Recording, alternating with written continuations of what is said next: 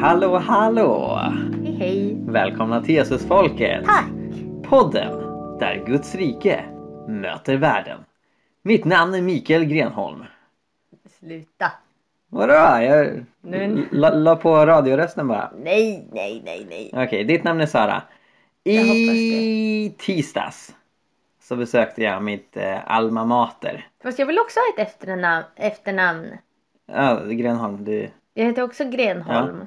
Förlåt. Det, alltså det, det, var ingen, det var ingen markering överhuvudtaget. Det bara, bara utgår från att de flesta har hört podden tidigare och vet att vi är gifta och sådär. Mm. I vilket fall. I tisdags så var jag på Johannelunds teologiska högskola. Där jag har tagit en kandidat i teologi en gång i tiden. Mm. Och nu var jag där som lärare. Så jag fick undervisa präststudenterna och andra som går pastorallinjen. De flesta tänker bli präster. Eh, och så fick jag prata om eh, mitt hjärteämne. Och vad det är kommer vi in på eh, snart. Men jag introducerade hela föreläsningsmorgonen med en lek. Och du blev nyfiken när jag förberedde denna lek. Vid precis detta köksbord i måndags kväll. Tack. Berätta vad du såg, Sara Grenholm. Ja, tack så mycket för denna dramatiska inledning. Nej men eh, Mikael satt och klippte, klippte lappar med olika ord. Såsom kärlek, Jesus, eh, tradition, eh, vad heter det? Konservativ, Mhm. Feminism feminism, socialism, nationalism, och nazism nazism. och kommunism Ehm, och Ja. egendomsgemenskap.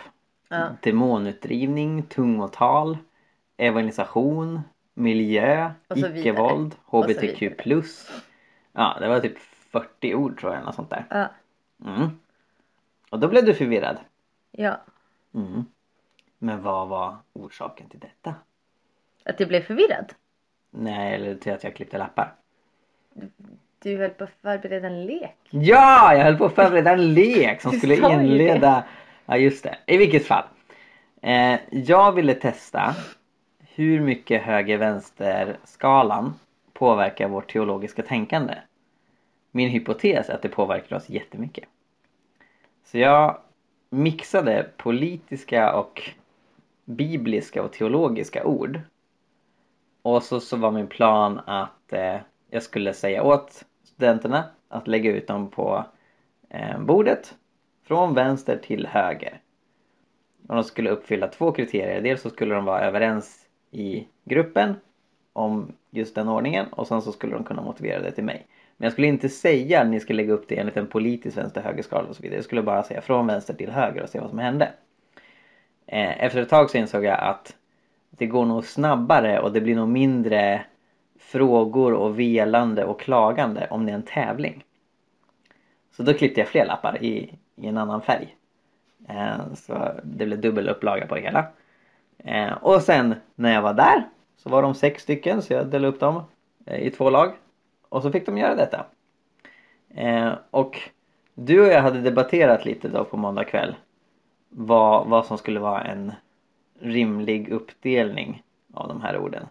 Du tyckte till exempel att liberalism skulle lägga till höger medan jag placerade till vänster. Mm. Men i övrigt var vi ändå ganska överens. Inte utifrån att vi ser de här teologiska orden som vänster högerladdade nödvändigtvis utan mer för att vi trodde att liksom folk ser typ icke-våld som vänster och tungotal som höger.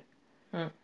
Ehm, men det som hände var ganska intressant för att eh, eh, den ena gruppen som bara bestod av killar de la ut det enligt vänster högerskalan och de, de la det ganska likt det jag hade trott. Även om de placerade ganska mycket i mitten. Inte bara Jesus och kärlek utan även evangelisation och demonutdrivning. De hamnade Mm. liksom i mitten. Egendomsgemenskap däremot, det hamnade långt åt vänster nära kommunismen. Eh, så jag sa det, liksom, var, var- varför hamnade egendomsgemenskapen där men demonutdrivningen hamnade i mitten? Bara, Ja, nej, men det är, ju, det är ju bara som folk tänker. Men den andra gruppen som bestod av enbart kvinnor. De eh, valde att lägga ut det kronologiskt istället. Enligt en tidslinje. Så de la kärlek och Jesus och egendomsgemenskap längst till vänster, för det fanns från början.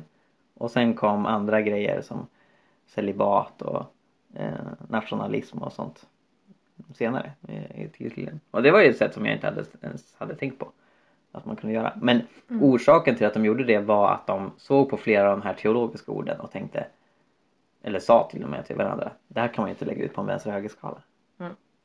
Och det var ganska intressant. Nu var det väldigt litet eh, urval av människor för att kunna dra några slutsatser från detta. Men åtminstone killarna betedde sig som jag tänkte att de skulle bete sig. Nämligen att de tänker även teologi i vänster-höger-termer. Och detta för oss in på en artikel som vi har skrivit. Eller hur Sara? Mm. Berätta om förfrågan vi fick. Ja, eller vi kan väl berätta om artikeln snarare. Mm. Eh, Vi, vi skrev en, eh, eller vi fick frågan om vi ville skriva en artikel tillsammans i tidningen som heter Nod. Som eh, är en tidskrift Mm. som ges ut, jag tror det är fyra gånger om år. Mm. Om året. Av, om året. Mm. Av, det är Dagen som äger den nu och tidigare Mm. så var det Örebro teologiska högskola som, som drev den. Eh, och det är en tidskrift som är, eh, de har olika teman varje gång. Eh, och ja, det är ganska tunga teologer som skriver jättebra texter. Alltså jag rekommenderar verkligen den här tidningen. Mm. Nod är superbra. Jätte, jätteintressant. Eh, och väldigt, väldigt, väldigt välskriven. Ja men verkligen Eh, och väldigt försöker- mustig. Alltså det Ja, är jättemycket bra saker att tänka på. Det, Väldigt mycket one-liners. ja. Väldigt mycket så här typ att dig vill jag citera. Så. ja, Mm. eh, så det, det kändes som att vi skulle få eh, hoppas studsmatta med coola personer Mm. när vi skulle skriva den artikeln. Precis den känslan hade jag också. Mm. Studsmatta med Telve och Och så Elisabeth Molin. Sandlund. Ja precis. Ja, nej men det var jätte, jätteroligt att vi blev Mm. tillfrågade.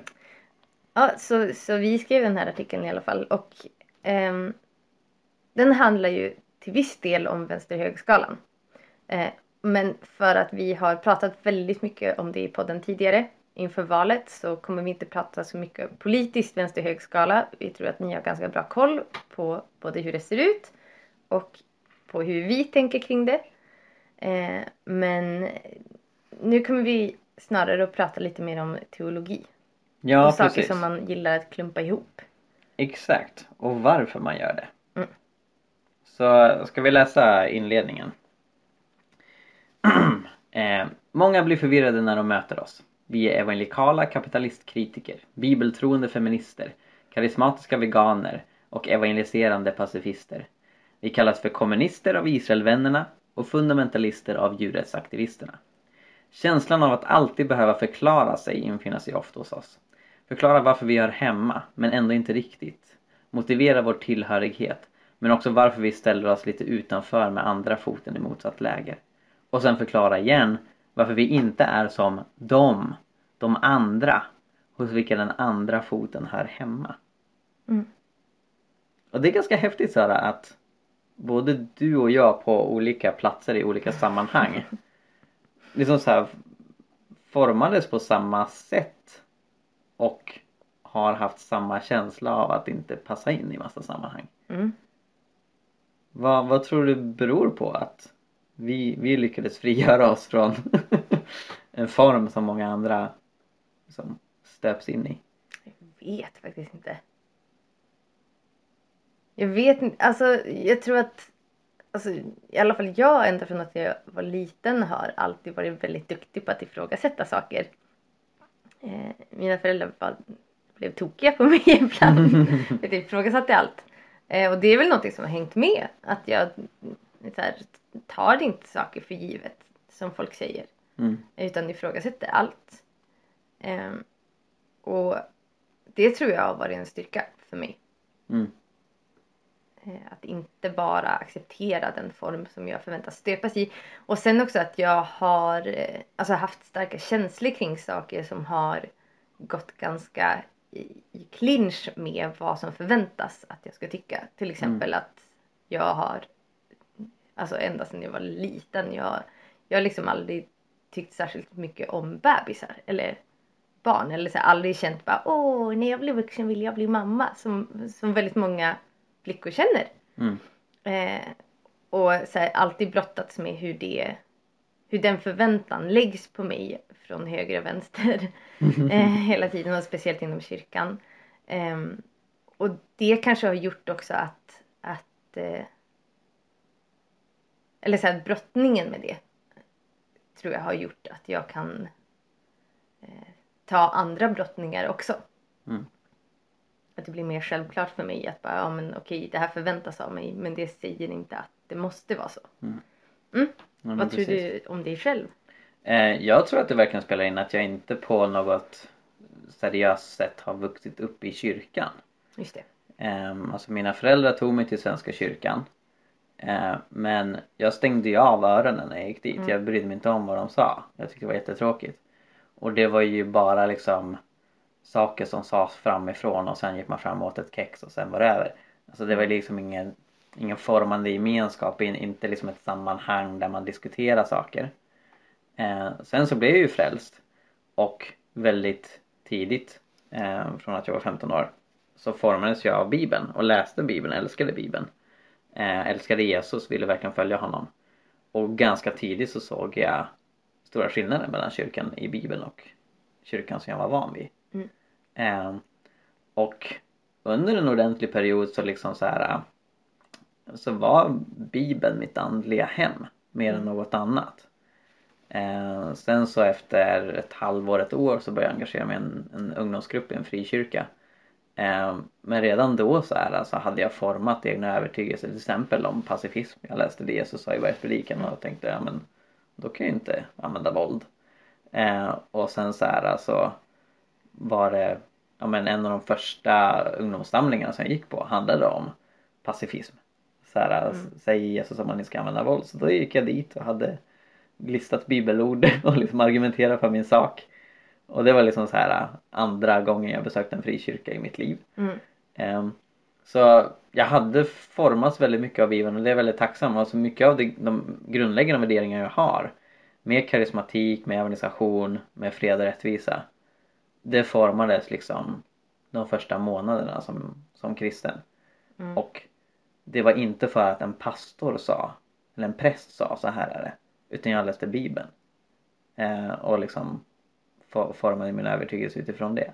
Det var väldigt länge som jag inte läste andra kristna böcker än Bibeln utan jag ville bara liksom fokusera på Bibeln själv. Mm.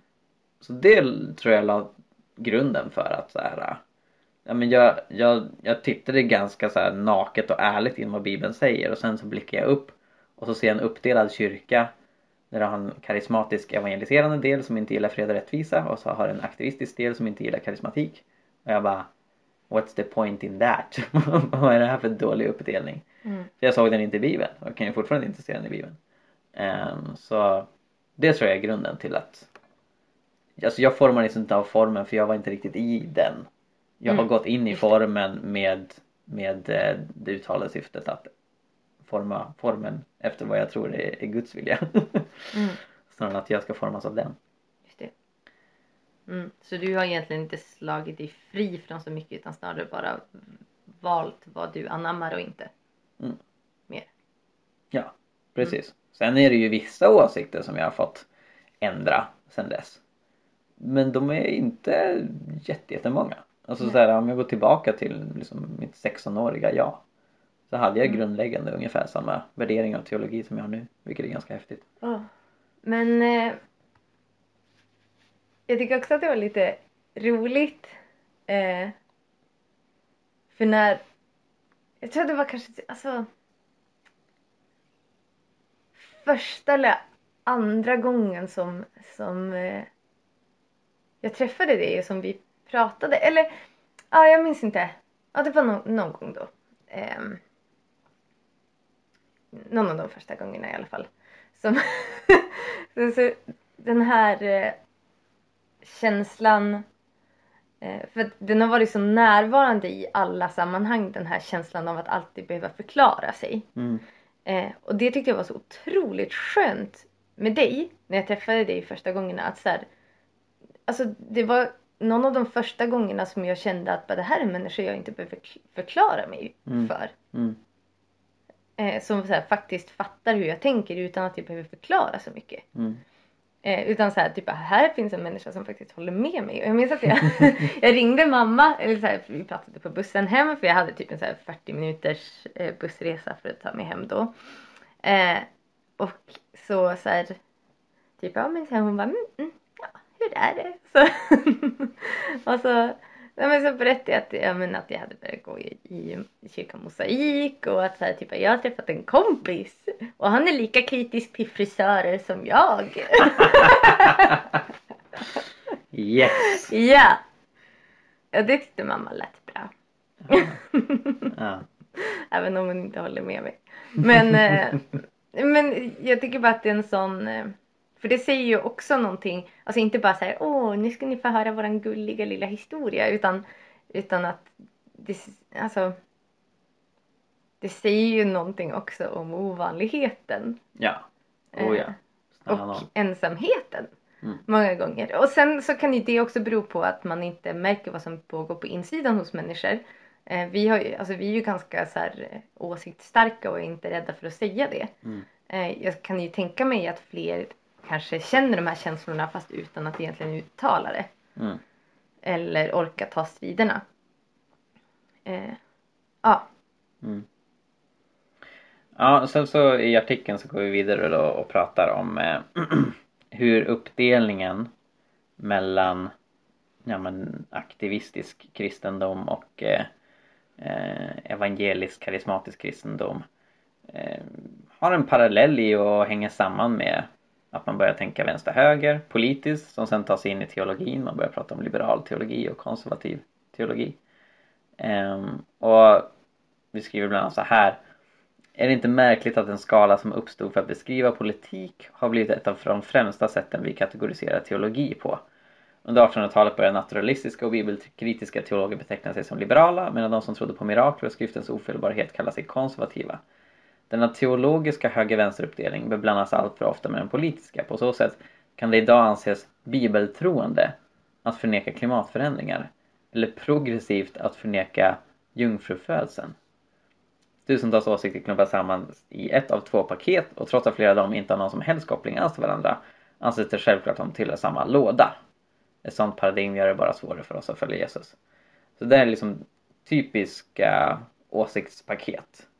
Eh, att saker som egentligen inte har någon logisk koppling överhuvudtaget. Mm. Det finns ingen koppling mellan att du har en stark bibeltro och att du förnekar klimatförändringar finns.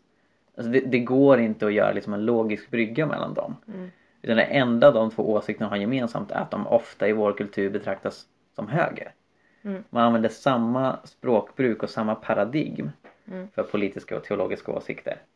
Och det förstärker den här uppdelningen, det förstärker värderingspaketen. Mm. Det gör att man anses vara märklig om man både är en tungomålstalande och evangeliserande Tungomål. kristen. Ja, heter det inte så? Tungotalande? Tungotal. Ja, i vilket fall. Nej men om, om, om man liksom en karismatisk evangeliserande kristen som också engagerar sig för miljö eh, och, och som dessutom är för icke-våld och äter veganskt. Alltså då, då är man så här en outsider, då är, då är man väldigt märklig. Mm. Trots att det inte finns någon logisk koppling överhuvudtaget varför det skulle vara konstigt. Mm. Utan det är bara för att vi har det här äh, vänster-höger paradigmet. Vi delar upp världens åsikter i två läger och tycker det är konstigt när någon skiter i den uppdelningen. Mm. Och baserar sina åsikter på till exempel vad de anser är Jesu vilja Mm. för oss idag. Mm. Precis. Ja, sen så vi går in på lite positiva exempel på mm, olika rörelser som inte ställer upp på den här uppdelningen. Som till exempel den tidiga pingsrörelsen som både var karismatisk och engagerade sig för fred och rättvisa. Men sen det vi tänkte fokusera på under det här poddavsnittet det är ju liksom hur de här värderingspaketen förstärks i församlingarna. Mm. Och det Precis. handlar om församlingars monokult- Monokultur. Monokulturer. Vill du förklara vad det handlar om Sara? Nej men monokulturerna i, i församlingen baseras på att vi skapar, alltså att de här värderingspaketen, de här två vänstra och högra värderingspaketet, Mm. Eh, teologiska och politiska, eh, att, att eh, det blir så viktigt för oss i församlingar att, att man ser till att höra hemma i det paket där resten av församlingen anser sig höra hemma. Mm. Eh, och gör man inte det så är man problematisk och udda och platsar inte. Ehm, och vi skriver här, Mm. ehm, vi skriver i artikeln att problemet uppstår när vårt vi blir, ett exklu- blir en exkluderande gemenskap där olikheter inte är välkomna och likformighet prisas. Där man snart får veta om man skulle ha fel åsikt. Församlingar där åsikter förkunnas framifrån en scen av ett fåtal ledare medan församlingsmedlemmarna nickar medstämmande och tackar efteråt riskerar att göda en monokultur. Detta är fjärran från Jesu dialogbaserade undervisning och Paulus beskrivning av församlingen som en plats där alla kommer till tals. Första Korintierbrevet 14.26 Färre spärrar finns på plats för att motverka att läran inspirerar, inspireras mer av importerade värderingspaket än Bibelns radikala idéer. Kyrkan blir en plats där vi tränas till att passa in, inte att sticka ut. Som får bland vargar eller som salt och ljus. Tänk att vi har skrivit det där. Mhm. Det, det är lite... Jag kände i den sista meningen så här, den där skulle jag vilja citera. Så bara, Ja just det, det är vi som har skrivit. Ja, tack. ja.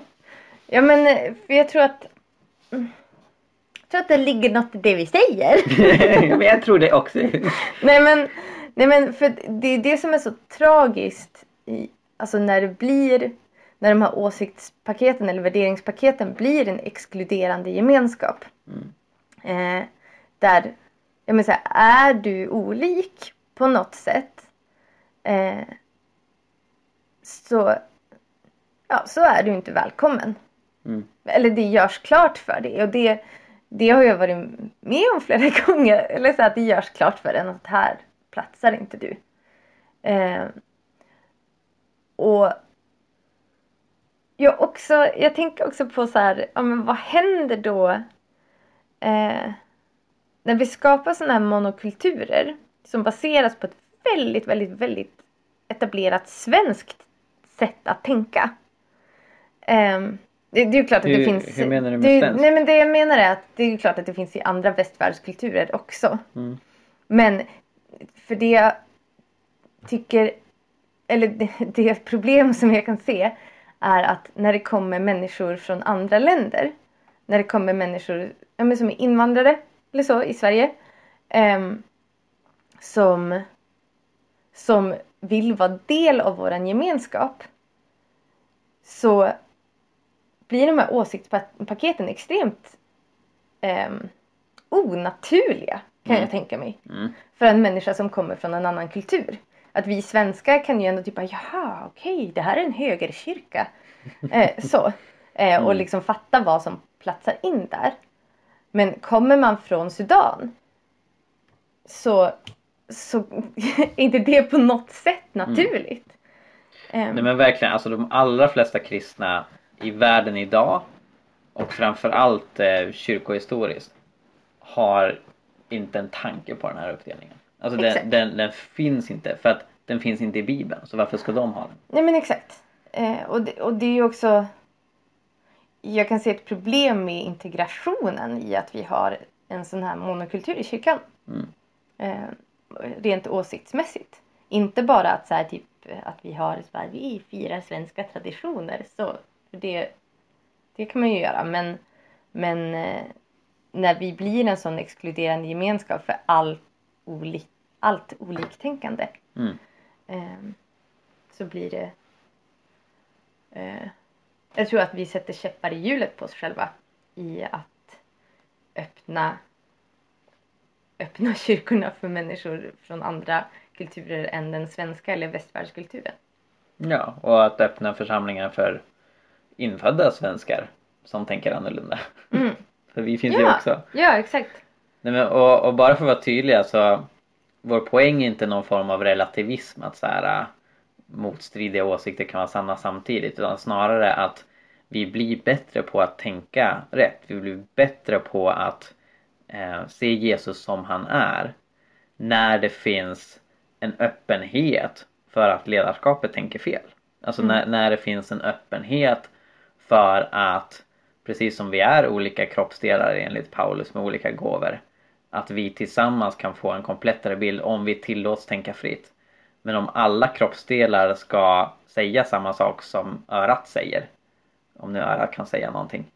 Men ni förstår bilden. Om liksom församlingens mål är att det ska bli en likformighet eh, snarare än att församlingen har en öppenhet för mångfald med strävan att komma så nära Jesus som möjligt men också med en ödmjukhet att vi alla har olika pusselbitar i det. Då så kommer det bli mer framgångsrika, vi kommer bli bättre på att följa Jesus. Eh, så det är det som är vår poäng att, att eh, det behöver finnas en ödmjukhet i synnerhet i församlingsledningen. Men det här blir också en kultur som präglar Mm. hela församlingen. exakt. Att så här, äh, jag fick en fråga för inte så länge sedan. Eh, Men kan du verkligen vara andedöpt om du inte stöttar Israel? Mm. Det, det går väldigt bra. jag, jag, jag har inget emot Israel utan snarare att jag inte gillar deras eh, krigspolitik.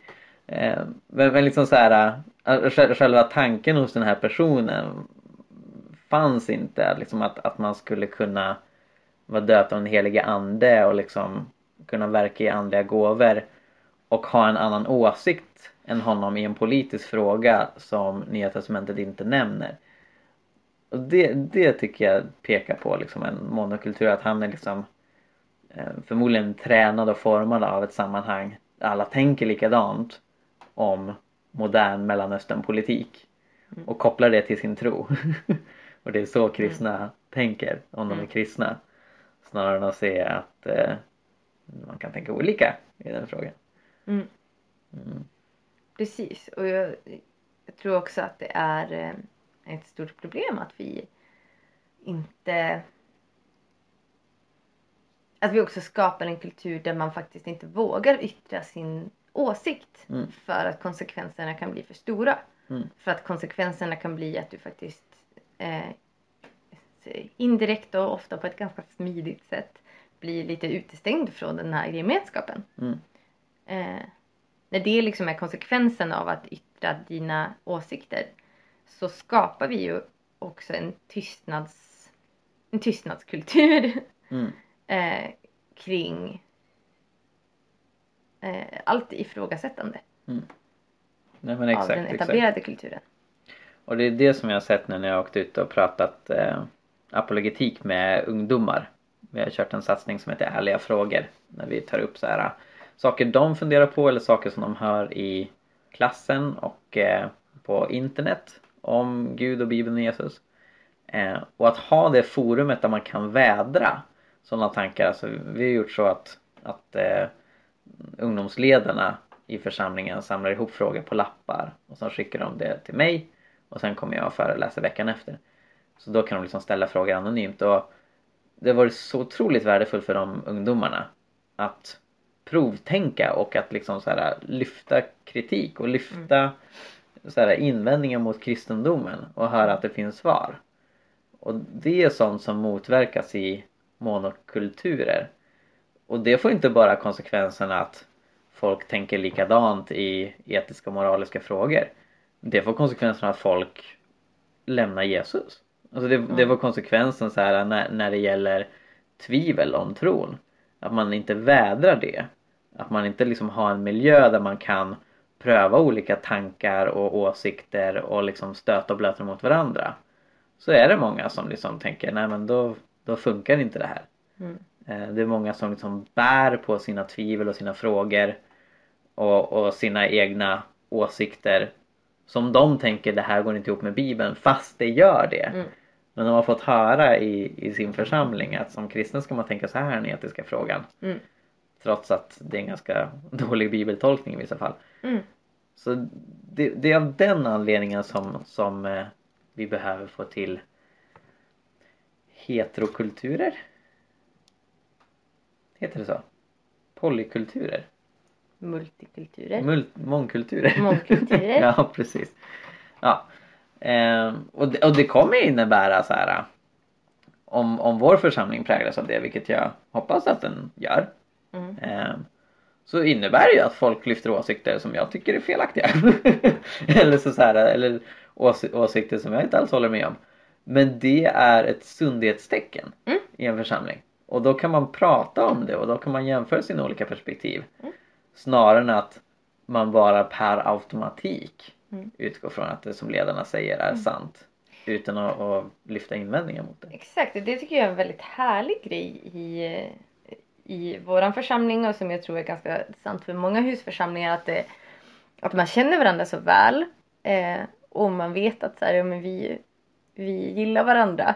Mm. Eh, och, alltså, vilket, vilket gör att, att det finns en grundtrygghet där man kan säga bara nu håller in, jag håller inte alls med dig om det Mm. du säger. Men, och, och så här tänker jag. Och då bara hmm, hmm. Ja, nej så, så tänker nog inte jag. Men, eller så här, Mm. att man, att man alltså så här, det, det behöver inte få så ödesdigra konsekvenser att man tänker annorlunda. Mm. Och vi kan, eller så här, när vi har liksom grunden gemensamt ändå. Så, men, så finns ju ingen anledning att hålla tillbaka vårat oliktänkande. Mm. Nej men exakt, exakt. Sen så i artikeln så går vi in på några ytterligare konsekvenser av den här monokulturen som vi tror finns i en hel del sammanhang. För det första, vad säger en monokultur om vår identitet? Ligger den i gruppen eller Jesus? För det andra, vad gör det med oss när vi tränas i att passa in? Kan en anledning till att så många kristna har svårt att evangelisera vara att vi formas av våra församlingar till att bli konflikträdda? Mm. Och det, det tycker jag är en väldigt bra poäng. Jag tror det var din poäng. Mm. Det här med Mm. att just att det blir så svårt för oss att evangelisera, det blir så svårt för oss att interagera med omvärlden. Mm. Om vi är stöpta i en monokultur, om vi har tränats i att passa in. Om det är liksom omedvetet eller medvetet min främsta egenskap som församlingsmedlem, att inte sticka ut. När jag sen kastas ur församlingen och befinner mig i en annan kontext Mm. så har jag jättesvårt att, till exempel att stå upp för min tro för då sticker jag ut. Mm. Då passar jag inte in. Mm. Exakt. Eh, och det... Ja, men jag tror att det är, det är en av anledningarna till att eh, men många liksom i, i mötet med världen eh, faktiskt inte liksom har verktygen för att stå emot den kultur som är där för att vi är så vana vid att passa in. Mm. Eh, och Ja, men, och jag tycker att det är också men, en sån relevant fråga. Att, eller vad, det blir så konstigt att säga det om sin egen text. Men, nej, men jag tycker att det är väldigt relevant att fråga sig men vad säger det här om vår identitet? Mm. Eh, att vi har så stark gruppidentitet. Mm. Eh, att att så här, typ, ja men jag är ju först och främst är jag pingstvän. Eller först och främst är jag eh, typ Israelvän. Eller först och främst, eller så här, men att man har sån stark identitet i vad gruppen tänker och tycker. Mm. Eh, och vad, alltså den kultur som, den monokultur som gruppen har format. Eh, att att den liksom blir det heliga. Mm. Som man inte får ifrågasättas, som inte får rubbas för att då händer det något med vår identitet. Mm. Eh, men som vi alla vet så borde det inte vara så. För att vi borde ha vår identitet i Jesus. Mm. Eh, och att, att då får det väl gunga så mycket det vill och gruppens monokultur får splittras helt och hållet. Men det, det, det handlar inte om vem jag är som människa. Mm. eller vem min gud är som jag tror på. Eh, ja, Ja, ja. och också det här att eh, Nej men liksom att, att vi, vi är så ovana vid att eh, sticka ut att liksom när, när vi träffar släkten när vi liksom befinner oss i andra sammanhang Mm. att vi aktivt undviker att tala tro. Alltså vi, Mm. vi, vi, vi pratar om mellanmjölksfrågor skriver vi i artikeln. Att så här, ja, nej men vi, vi, vi pratar om annat. Vi liksom vi springer till det vi kan vara överens om. För vi är så Mm. vana vid att eh, när man är i en grupp med, med andra människor så liksom är, är det främsta målet att passa in Mm. snarare än att ja men just vara saltet och ljuset att ja, men, kunna sticka ut. Inte för liksom att för provocerandets skull men bara för att vara ärlig Mm. och bara för att liksom vara, vara rakryggad för Jesus. Ja, men, men också så här, jag tror att jag tror att det är en stor anledning till att men det här att, typ, att i Sverige pratar man inte politik vid middagsbordet. Typ. Mm. Ehm, att vi är så rädda för att det ska komma fram att vi tänker olika. Mm. Eh, och vi tycker olika och det tror jag också, det har jag pratat om i tidigare avsnitt, att jag tror att det är ett hot mot demokratin. Mm. Att vi inte pratar, Mm. dem- eh, pratar eh, politik vid middagsbordet. Det, det värsta jag vet. Det, det, kan det kan faktiskt vara det värsta jag vet.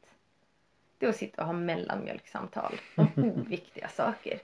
Mm. Eh, ja, men så här, och det tycker jag är det som förstör. Släktmiddagar Mm. till exempel. Mm. Släktmid... Släkten. Släkting. Släkten. Nej, släktmiddagar.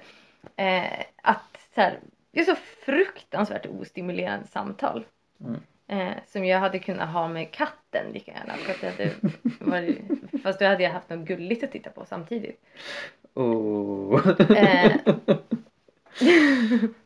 Förlåt till Saras släkt, ni är också gulliga. nej men, nej men för det är det jag tycker är så, så störande att vi såhär typ här Typ nej nej nej nej men i Sverige pratar man bara om ointressanta grejer. För, Jaha vad kul.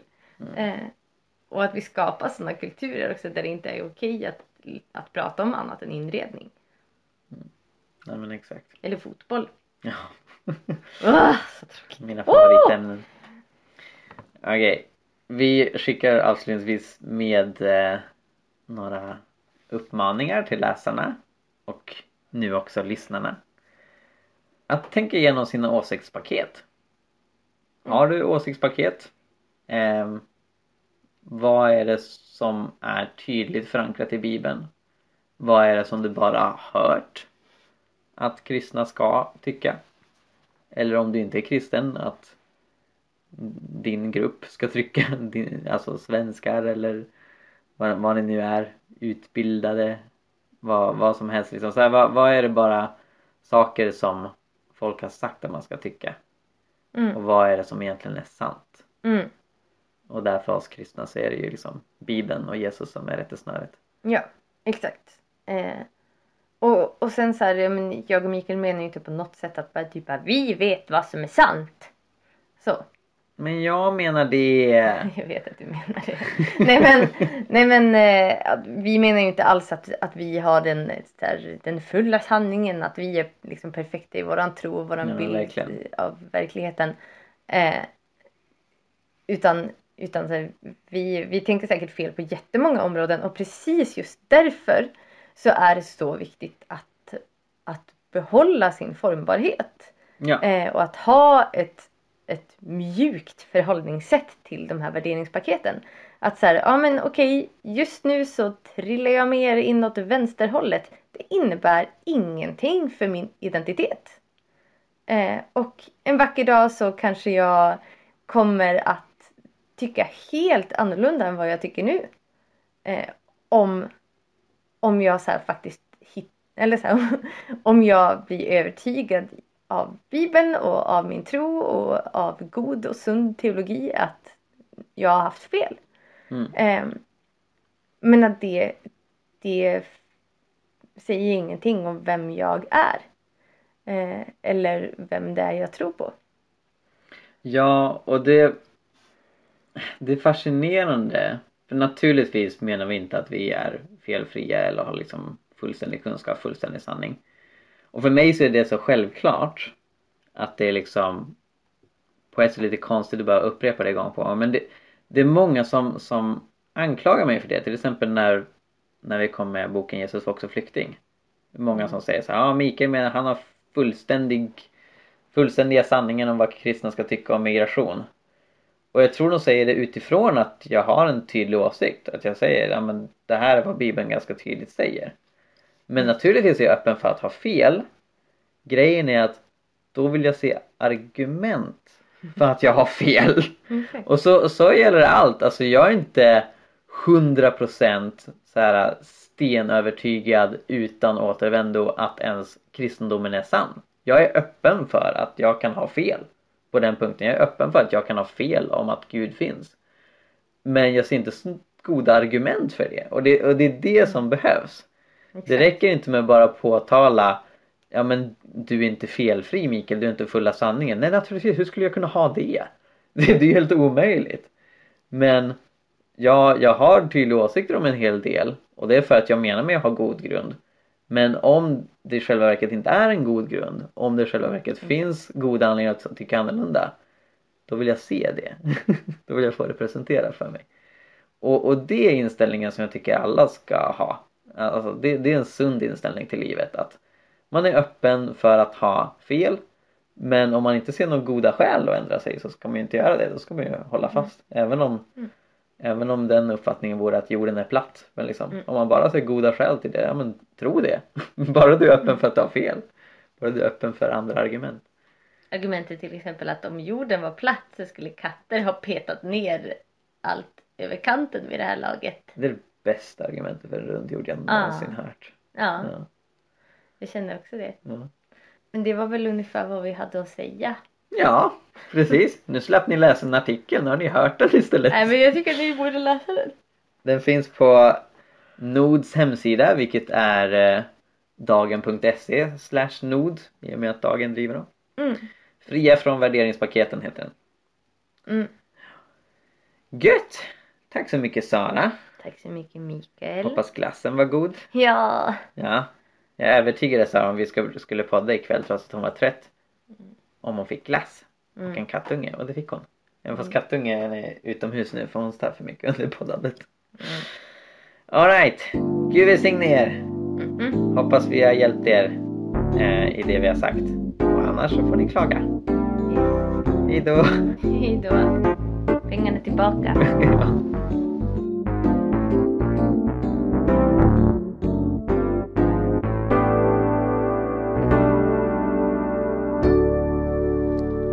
för att du lyssnar på Jesusfolket. Den här podden drivs av Jerusalemprojektet som också står bakom bloggen Hela Pingsten. Och för att se hur du kan stödja och hjälpa oss utveckla podden vidare, gå in på jerusalemprojektet.org och läs mer. Gud välsigne er, ha det bra, hejdå!